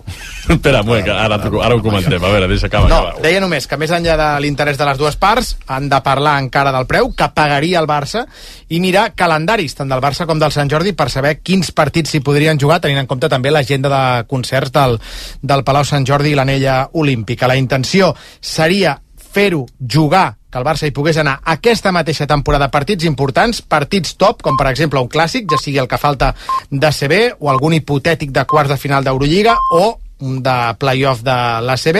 En tot cas, les converses existeixen i tant Barça com l'Ajuntament de Barcelona estan explorant aquesta viabilitat d'aquesta possibilitat. Doncs aquí queda, eh, aquesta informació. El, a- aquest és el motiu d'aquest qüestionari que avui el Barça ha fet als socis de dir, escolta, amb els mateixos preus estaríeu disposats a pujar a veure bàsquet en algun moment puntual al, Doncs, al Sant Jordi? Doncs, perdoneu, està molt bé que el Barça eh, faci una enquesta i consulti coses als socis, perquè en altres decisions hem criticat que havien tirat pel dret, aquí trobo que està bé. Sí, sí, que facin una enquesta i a, i a veure la gent com s'ho pren, eh, no, clar, i, què i, pensa... I crec, Ernest, en això que deien dels ingressos, que és important, perquè si tu prens la mesura sense preguntar i resulta que el 80% de la Clar. massa no vol pujar, aniràs al Palau Sant Clar. Jordi i et trobaràs amb 3 o 4.000 persones i diràs l'invent eh, Sí. no ha sortit Per bé. això està tant, bé. és important assegurar que si vas Sí. cap allà no, la, tindràs un coixí de gent que ja t'ha dit que, que està disposada a anar-hi que per tant podràs obtenir més calés. Ara s'indignava el Màrius amb això que apuntaves, no? que és que eh, la Final Four de l'Eurolliga, que voldria organitzar Barcelona, eh, el 2025... Que juguen equips europeus, vull recordar-ho, sí. perquè al final, clar, ens vendrem els mobles. Sí, és que avui Mundo Deportivo assegura que Abu Dhabi estaria molt a prop d'organitzar les tres pròximes Final Fours. La del 2024 ja no hi és a temps perquè està assignada, però la 25, 26, 26 i 27 sí, no? Sí, sí, tres Finals Fours per les Sí. quals Abu Dhabi pagaria 75 milions d'euros, 25 per cada una de les finals que organitzés, segons explica el company José Ignacio Huguet. D'aquesta manera Barcelona perdria aquesta cursa per organitzar la de l'any vinent, que era la que estava intentant, la del 2025. Estem parlant de 25 milions d'euros, com 25? dic, per una Final A Four. on van aquests 25 milions? A l'Eurolliga i els clubs. Clar, clar. Sí, però, però qui, quants van a l'Eurolliga i quants van als clubs, no? És que, Clar, però perquè aquí- sempre es diu, es fa el sumatori, pagaran 75 milions... En tres a, veure- anys. A, Clar, veure, però en a aquest veure cas, un moment, Ernest- per, perdoni, perdoni, a, a veure un moment, a quines butxaques van? En aquest cas no és com ara el futbol FIFA i clubs, sinó que l'Eurolliga aquí està organitzada pels clubs. És en, Això té un avantatge. En, en bàsquet estan com eh, el que Però... voldria Joan Laporta i Florentino Pérez en la Superliga, és a dir, és Sí. una competició organitzada per clubs, que és la que es va imposar, la de la FIBA. I per això acceptaran que un equip de Dubai sí. jugui la fase prèvia, la lligueta, la Final... Ah, sí, això també? També, I tant, no, que hi haurà un equip de Dubai de, a l'Eurolliga de bàsquet ja l'any que ve. Aquí és Europa, Sí, veritat? tots- tots- on tots sabem és Europa. Mare. Clar. Però si, si el Barça ja ha d'anar cap a Israel, que més dona Israel que Dubai, ja, a fotre't un viatge. És diferent, eh? Una mica diferent. No, vull dir de distàncies. has d'anar a Rússia, has d'anar has Conceptualment és casant. diferent, ja no ideològicament, conceptualment. Conceptualment és diferent, però jo dic de distàncies, ja has d'anar a Rússia casant... Un país mediterrani, eh? Israel és un país mediterrani, eh? Sí, no et dic, de, no et Sí, dic no d'això. és Europa, eh? Et dic de distància. Bueno, està no, no, no és Eurovisió, Europa. està- bueno, està sí. Eurovisió, sí, sí, està Eurovisió, que si vols a, a, a, en, par, en parlem també, de si ha No, d'estar no, dic, Eurovisió. jo, no. escolta, Jo dic, dic que està Eurovisió és una realitat immutable. Sí, Podem discutir el Però, que vulguis. un, un, un detall, un detall, perquè veieu, Eu- eu- perquè veieu la Eurovisió Sí, diferència. banyem al mateix mar. Eurovisió Eurovisió hi ha Turquia. ens banyem al mateix hi ha mar. Turquia, també, Eurovisió. Escolta, Eh, és que hauria... Turquia... Que no és Europa. Un detall, Turquia està al Camp Nou, una, també. un que detall, un detall econòmic perquè No, veieu... Està, canviant, està canviant la geopolítica. Un moment, geopolític. Un detall econòmic perquè veieu per què pot ser que Dubai li prengui la Final Four a Barcelona. Per dimensionar una mica Home, el que seria el- aquest acord. el- Estem parlant de... el- perquè no cal ni... Ja està. No, no, espera les 25, xifres. No, no, 25 però és que mira, escolta, per una escolta. Final Four, quan l'edició de l'any passat va costar al voltant de 3 milions d'euros en contacte amb l'Ajuntament de Barcelona, quan els hem preguntat de dir, home, sabent que estaven en la cursa pel 2025, el que ens diuen, evidentment, és que en cas de ser certes aquestes xifres, que no ho posem en dubte, Barcelona no farà cap bogeria d'aquesta magnitud per organitzar-la i que sempre es mourà en les xifres habituals als darrers anys, que, com dic, rondaven els 3 milions a Abu Dhabi. Pagaria per eh, 2025, 26 i 27 75 milions d'euros, 25 per cada una. Ah, tot- Poden comprar el que vulguin. Eh, ah, pues ja juguem totes les competi competicions al Golf Pèrsic, no? I, no sé, Sí, sí, per juguem és, tot és allà. una aberració total, perquè, mira, jo crec que el tema de la Final Four ja és de molt dubtós eh, a, a nivell esportiu i de competició és molt qüestionable ja, perquè tu fas una lliga que fa 53.000 partits després fas uns quarts de final al millor de 5 partits i al final es decideix tot a un partit o sigui, a nivell de competició jo ja jo ho qüestionaria, però ho entenc perquè és un espectacle, perquè és molt xulo, perquè és un cap de setmana, perquè és una festa, jo ja ho entenc, i tot, jo crec que el món del bàsquet i el món de l'esport ho accepta, però accepta per això, perquè és una festa, no? I perquè és, la, la, perquè és un event, i perquè hi van totes les aficions, i les aficions que hauran d'anar a Abu Dhabi. O sigui, que, que, perquè això eh, qui, anirà a Abu Dhabi? O sigui, llavors eh, anirem, o sigui, ens passarem tota la temporada jugant 58 partits, dic 58, no són 58, eh, però, però bueno... Però, 34 de Lliga regular. Imagina't, i els 5 després que pots jugar als quarts de final. Tot per anar-te'n a jugar dos partits descafeinats a Abu Dhabi. Perquè al final, Oh. amb aquelles graderies, a la Supercopa, eh, la Marta hi va... La Supercopa d'Espanya L'ambient- és- és, és- espectacular, no? La graderia, una cosa... Meravellós, eh, sí, Però a veure, sí. se- se- sembleu si l'inspector Renault de Casablanca eh, descobrint que en aquest local es juga. És a dir, No, ja, ja. no, és a dir... Eh, Arriba a les Casablanca, manos. Casablanca, una pel·li que he vist moltes Eh, vegades, és a dir, continuant. no, no, això- Sí, però ja ens sabem frases senceres, és que al No, final... bueno, no, Casa, no. Casablanca és la pel·li obligada per tots els tertulians, perquè tota, tota la pel·li, tota la pel·li del principi al final són frases de Són tertulià. frases, són Llavors, frases, ara sí, perdoneu, però te- eh, eh, he, he perdut dos minipunts de tertulià al citar aquesta frase. No, però jo, jo, jo el que vull dir és que que, què esteu descobrint, Marc? No, no, no o descobrim sigui, res, però m'indigno. L'altre dia, sí, l'altre- dia fent, zap, fent, fent zapping vaig, vaig veure que hi havia un, un pobre torneig femení de golf que els, els tenien allí a Aràbia Saudí que, que, que, que deuen estar al- al·lucinats que hi hagi aigua que hi, ha, que hi hagi ai- aigua per tots aquests camps de golf. Llavors, bueno, mm, és que el, el, estan segrestant el món de l'esport, però a més a més ens estem deixant segrestar. És a dir, anem allí a fer-los la gara-gara, el president del Barça hi ha estat fa molt poc fent, un, fent un tour i fent les reverències. Ves que al final fent les reverències tenim unes bombolles que no es poden mantenir. Els sponsors... I les ha de mantenir algú. Ah, exacte. Exacte. Els sponsors són tots d'allà, cada vegada hi ha més, hi ha més competicions. Vull dir que... Sí, sí. No, no, vull dir que, és que... No, no, jo, jo comparteixo la teva passa, el que passa és que hi ha una cosa que està bé, s'estan quedant els clubs a Europa i, i ja no, i al final ja mm, fi, s'ho faran tot entre ells no? Mhm. i ens podrem dedicar a una altra cosa al billar, alguna co- competició que encara no els interessi No, la sort és que, que només volen publicitat, o sigui, al final ells no, jo crec que arriba un punt que tampoc els volen les competicions, només volen No, i no volen blanquejar els el seu... aficionats. Tu has dit una cosa molt important, Marc. De fet, no volen per res els aficionats. però, però aquí, per aquí coincideixen tots, eh? És lluïment, és lluïment. És no, no, no, no, però, no? però, però és, que, és, que, és que, de debò, jo sóc dels que crec que el futbol al final es veurà amb, amb retallables de cartró. És a dir, jo, jo amb la meva localitat hi posaran una foto meva de cartró, que en el fons és el que desitgen. És a dir, eh, pel Barça és, ha estat un desastre des d'un punt de vista econòmic anar a Montjuïc. Des d'un punt de vista de la Junta Directiva ha estat la pau social. Ningú ha protestat amb, amb algunes coses que hem vist que eren com per abandonar el, el, el món del futbol. Bueno, doncs això, això, és, això és la crua realitat. Ja, ja, ja, el, el cartró que tu dius ja, de fet, en certa manera, ja hi és. És a dir, el japonès Aquell- que jugava jugar, al aquell japonès. solitari davant japonès nostre... que- que- que jugava al Ah, solitari el japonès, nostre, se la va jugar, el- no ho sabia, El, el la Màrius i jo jugant. teníem l'altre dia un, un, jap- tres japonesos que estaven jugant Tot al això solitari... ens anava fent gols Per cert, Granada, eh? per- O sigui, no, veus que el japonès va estar a punt d'agafar el joc la màquina, i mira la màquina. Per cert, per cert el camp. amb molt bon criteri, perquè va, eh, va ser el partit aquest del Granada. Jo, sí. jo, vull dir, de, de fet, tenien criteri. Eh? eh, però, de fet, ja he, aquells japonesos jugant amb el mòbil, de, de, de 17a generació, amb uns mòbils acollonants, sí. unes pantalles tal... Um, Com els del mobile, ara, Ja sí. eren el cartropedra que diu el Màrius. Ja. Ja, ja està, ja, ja, ja. Vull dir, en certa manera ja hi som. Bé, aquí queda la informació. Eh, converses Barça-Ajuntament per intentar que aquesta ta- mateixa temporada el Barça de bàsquet jugui algun partit important al Palau Sant Jordi. El club avui ha començat a enviar qüestionaris i formularis per saber una mica l'opinió dels seus socis de si pujarien o no al Sant Jordi en algun moment eh, puntual. Tot això intentant que Barcelona pugui acollir la Final Four del 2025 de l'Eurolliga, tot i que, com explica Mundo Deportivo, sembla que Dubai posarà més pasta i se l'emportarà. 11 i 38 minuts. Anem al futbol.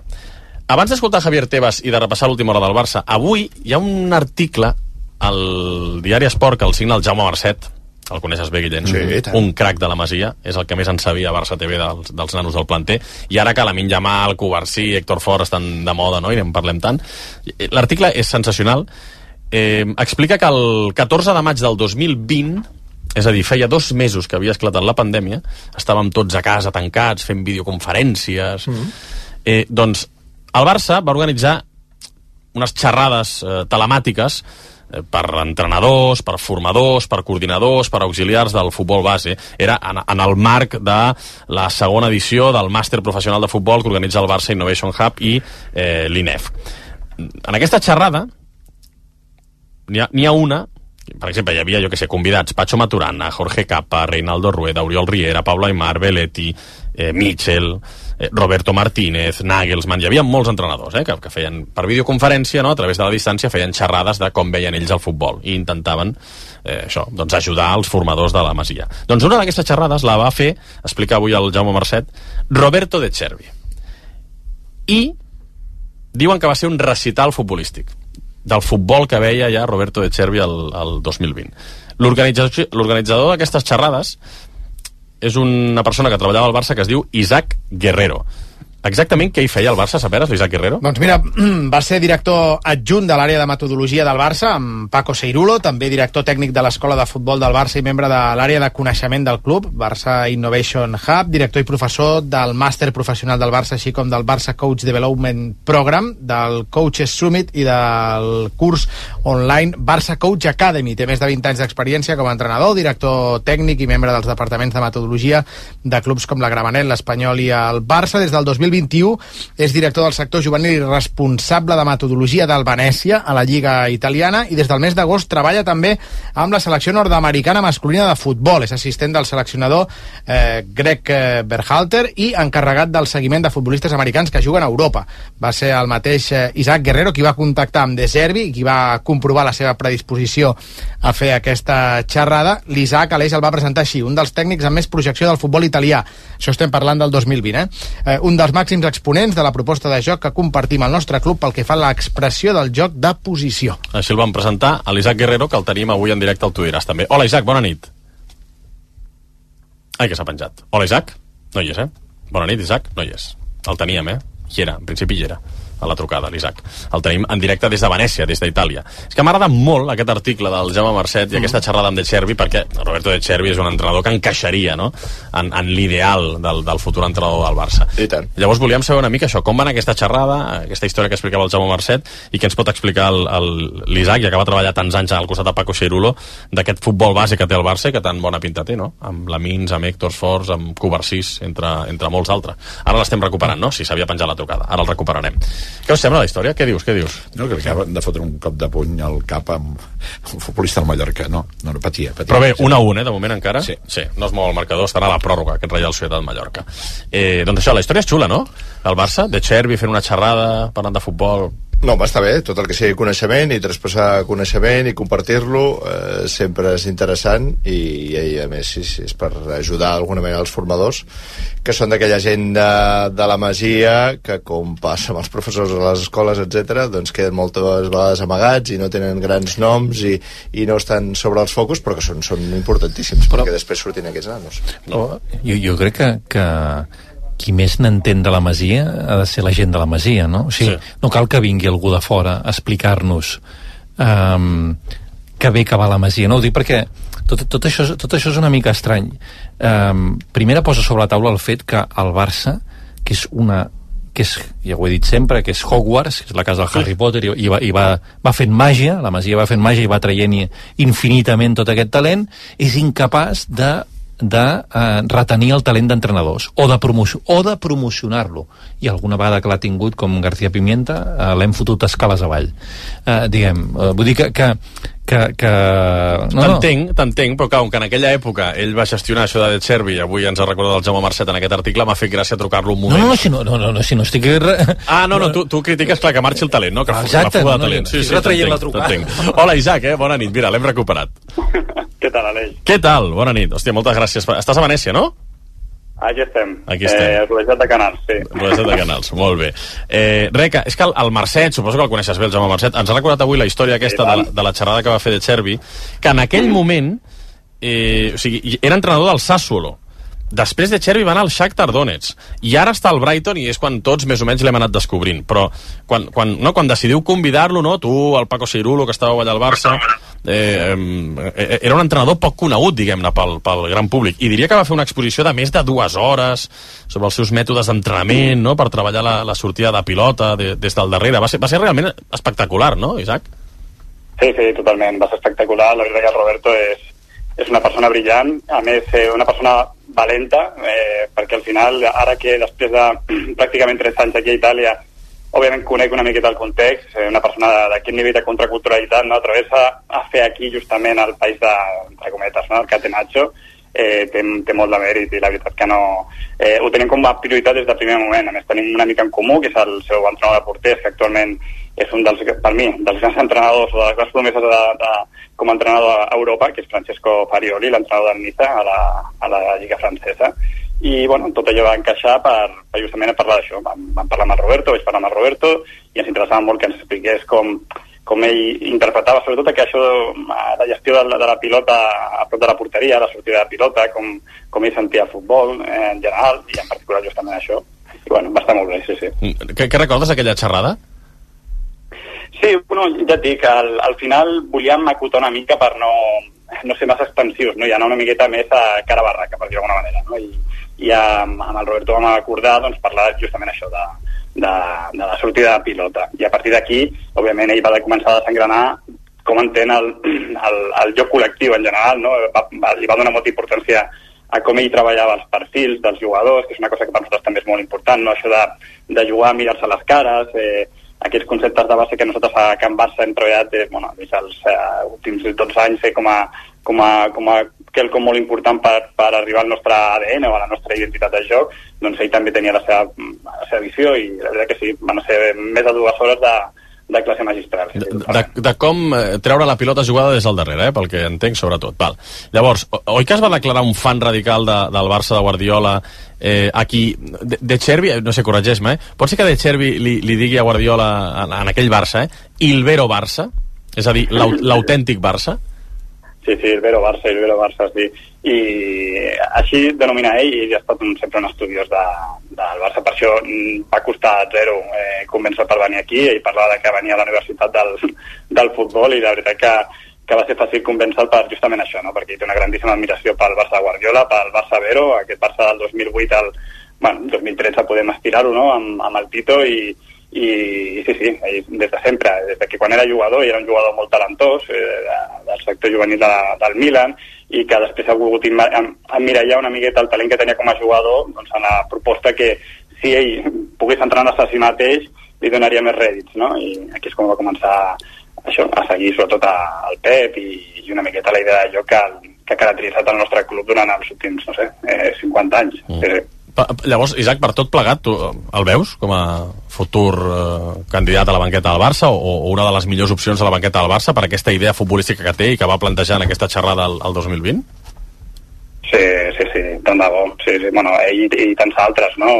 Bueno, no tants altres, alguns altres, no? I ell sí, òbviament sí, per, per concepció, perquè a més és un, un entrenador adaptatiu, la, la, la, la seva experiència a la Premier li, li, jo penso que li està ajudant molt també a, no, no vull dir eclèctic perquè no és la idea, sinó que dins de la seva essència doncs, a, sí, justament això, a ser, a ser adaptatiu. A més, una persona molt de caràcter, eh, una, molta personalitat, no ho ha tingut, no, no ho ha tingut fàcil.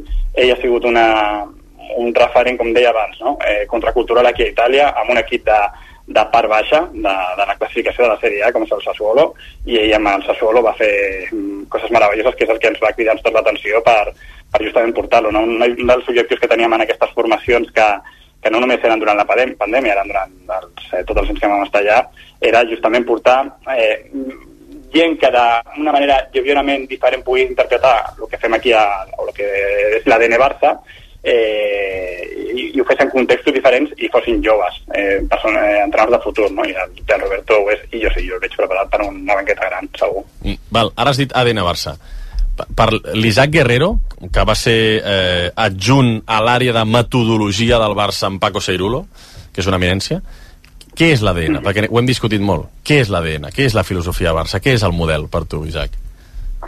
Sí, eh, això òbviament és una, una pregunta recurrent, no? que també en el seu moment nosaltres ens la vam fer, no? I exactament què, què és l'ADN Barça, no? amb, amb tot l'equip de treball, amb el, amb el Paco, amb, nosaltres vam, vam, vam optar per fer una miqueta de recerca, doncs vam estudiar els Barças de, de diferents èpoques, vam fer un estudi de, justament no vam fer els més origin, originals del món, li vam dir ADN Barça, estudi d'ADN Barça, vam estudiar els Barças de, de, de Rinus Michels, de Menotti, de, de Cruyff, de Bengal, fins a arribar després a l'era moderna amb Guardiola, amb Pito, i d'aquí vam, vam extendre eh, intencions que eren recurrents, no? Eh, des de una tendència a l'organització al voltant de la pilota, un joc una miqueta multidireccional que no és una altra cosa que intentar crear justament eh, molts canals de comunicació, moltes línies de passe al, al voltant de la pilota d'una manera dinàmica, no, no, no, no tancar-se en, en el que potser fan el, no sé, el 90% d'equips, no? jugant amplitud i profunditat, bloc estret i curt i, i organitzar-se la funció dels espais. No? No, és canviar una miqueta el xip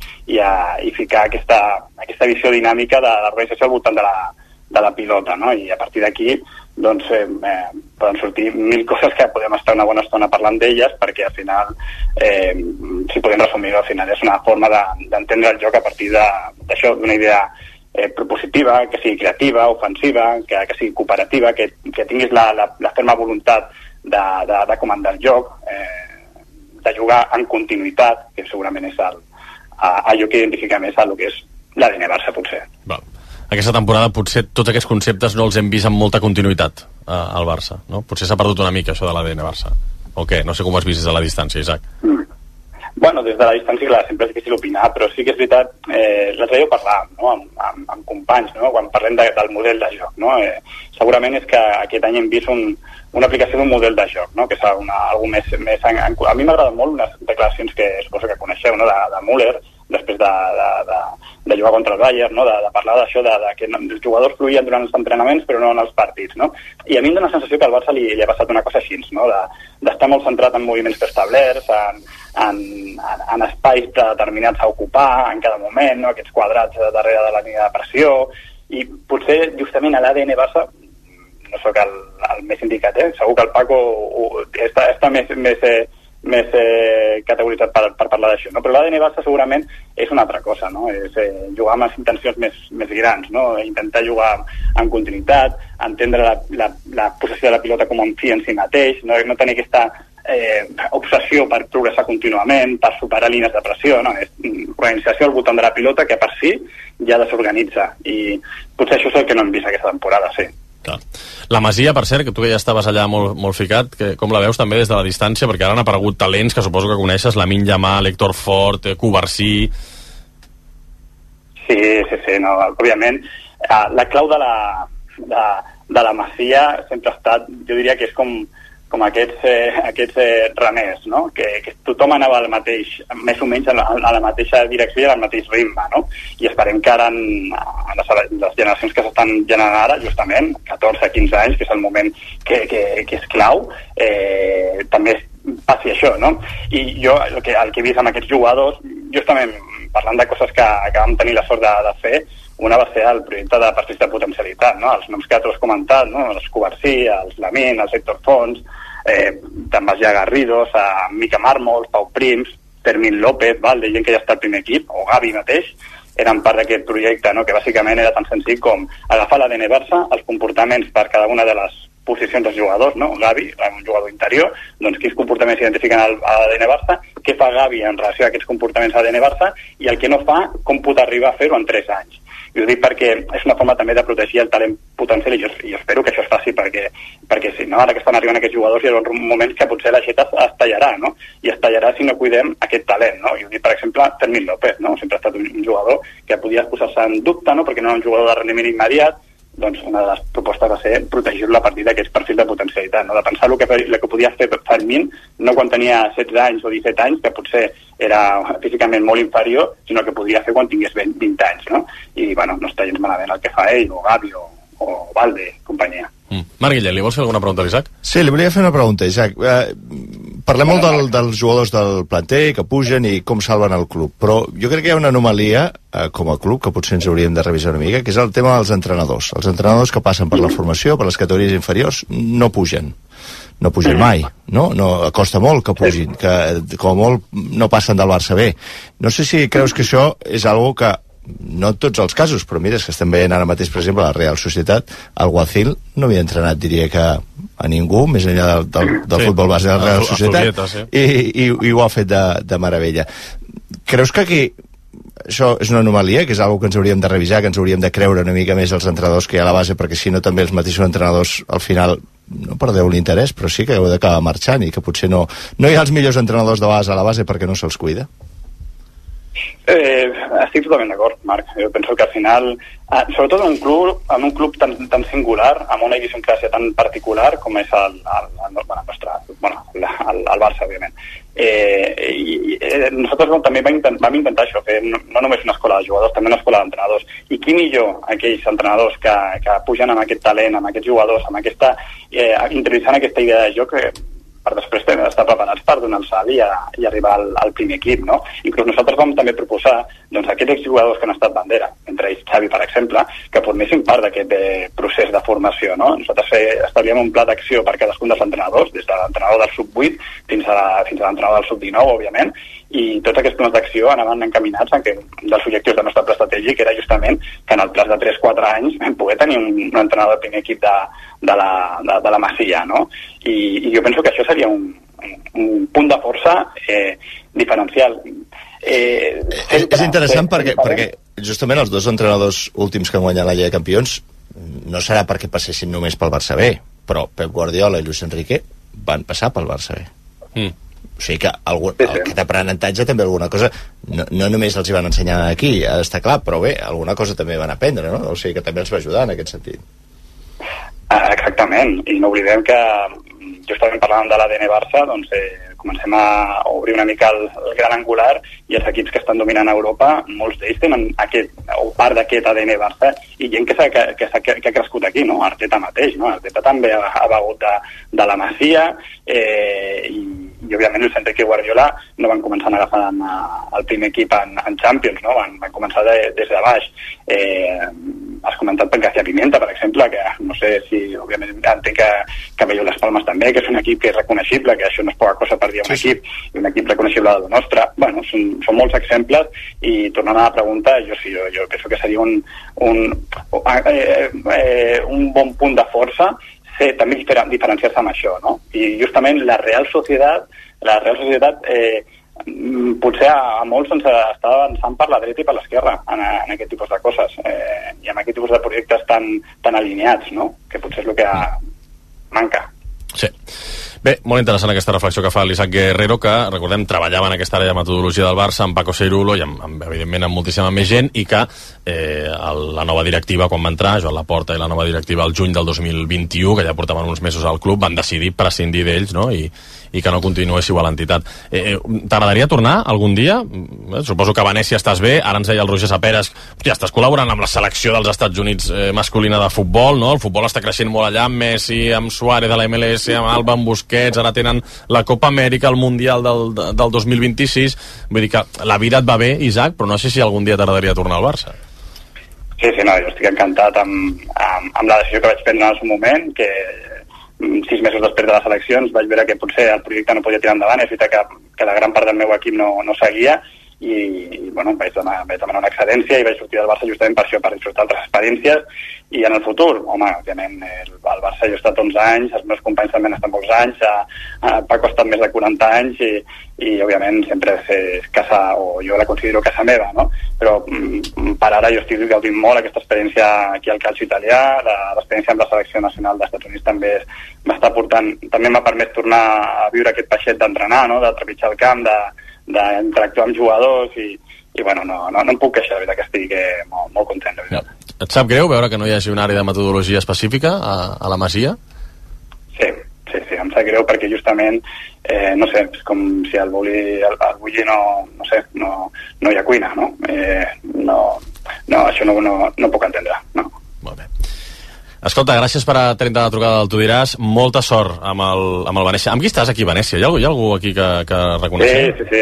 Estic amb dos companys de- de- de- d'aquesta àrea de metodologia, érem set, aquí ha vingut el Quim Estrada i el Jordi Fernández amb mi, i bueno, entre els tres intentem tirar endavant aquest projecte que ens estan donant moltes alegries, la veritat que sí, sí, sí. estic ben acompanyat. Molt bé. Jo, jo sí que a mi m'agradaria fer-te una pregunta, eh, que és, eh, tenint en compte, ara feies aquesta reflexió, no?, que, que el fet que, que s'hagi desmuntat l'àrea de metodologia com a tal eh, és com si el bulli deixés de tenir cuina. Eh, clar, és que em sembla una frase molt, que, diu moltes, que diu moltes coses, no? I a més a més, en el moment en el que estem, que el Barça està celebrant aquesta generació de, de joves talents eh, i que ens estem en- enlluernant tant, eh, tu, tu creus, veus senyals a, al, al Barça ara mateix que, que es pugui posar en perill, que puguin continuar sortint generacions així o que es pugui posar en risc el model?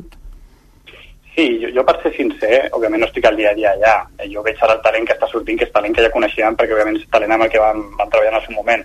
Però si t'he de donar una resposta bi- binària, sí o no, jo dic sí, sí. Jo veig en perill tot això, veig en perill tot això, o veig en perill en convertir-nos en un equip com el 99% d'altres equips.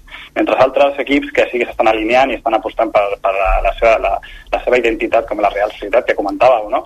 eh, fan una miqueta d'enveja. No? Jo penso que hem de recuperar la cuina eh, ràpid, ràpid, perquè és la que, la que garantirà eh, el futur i també la sostenibilitat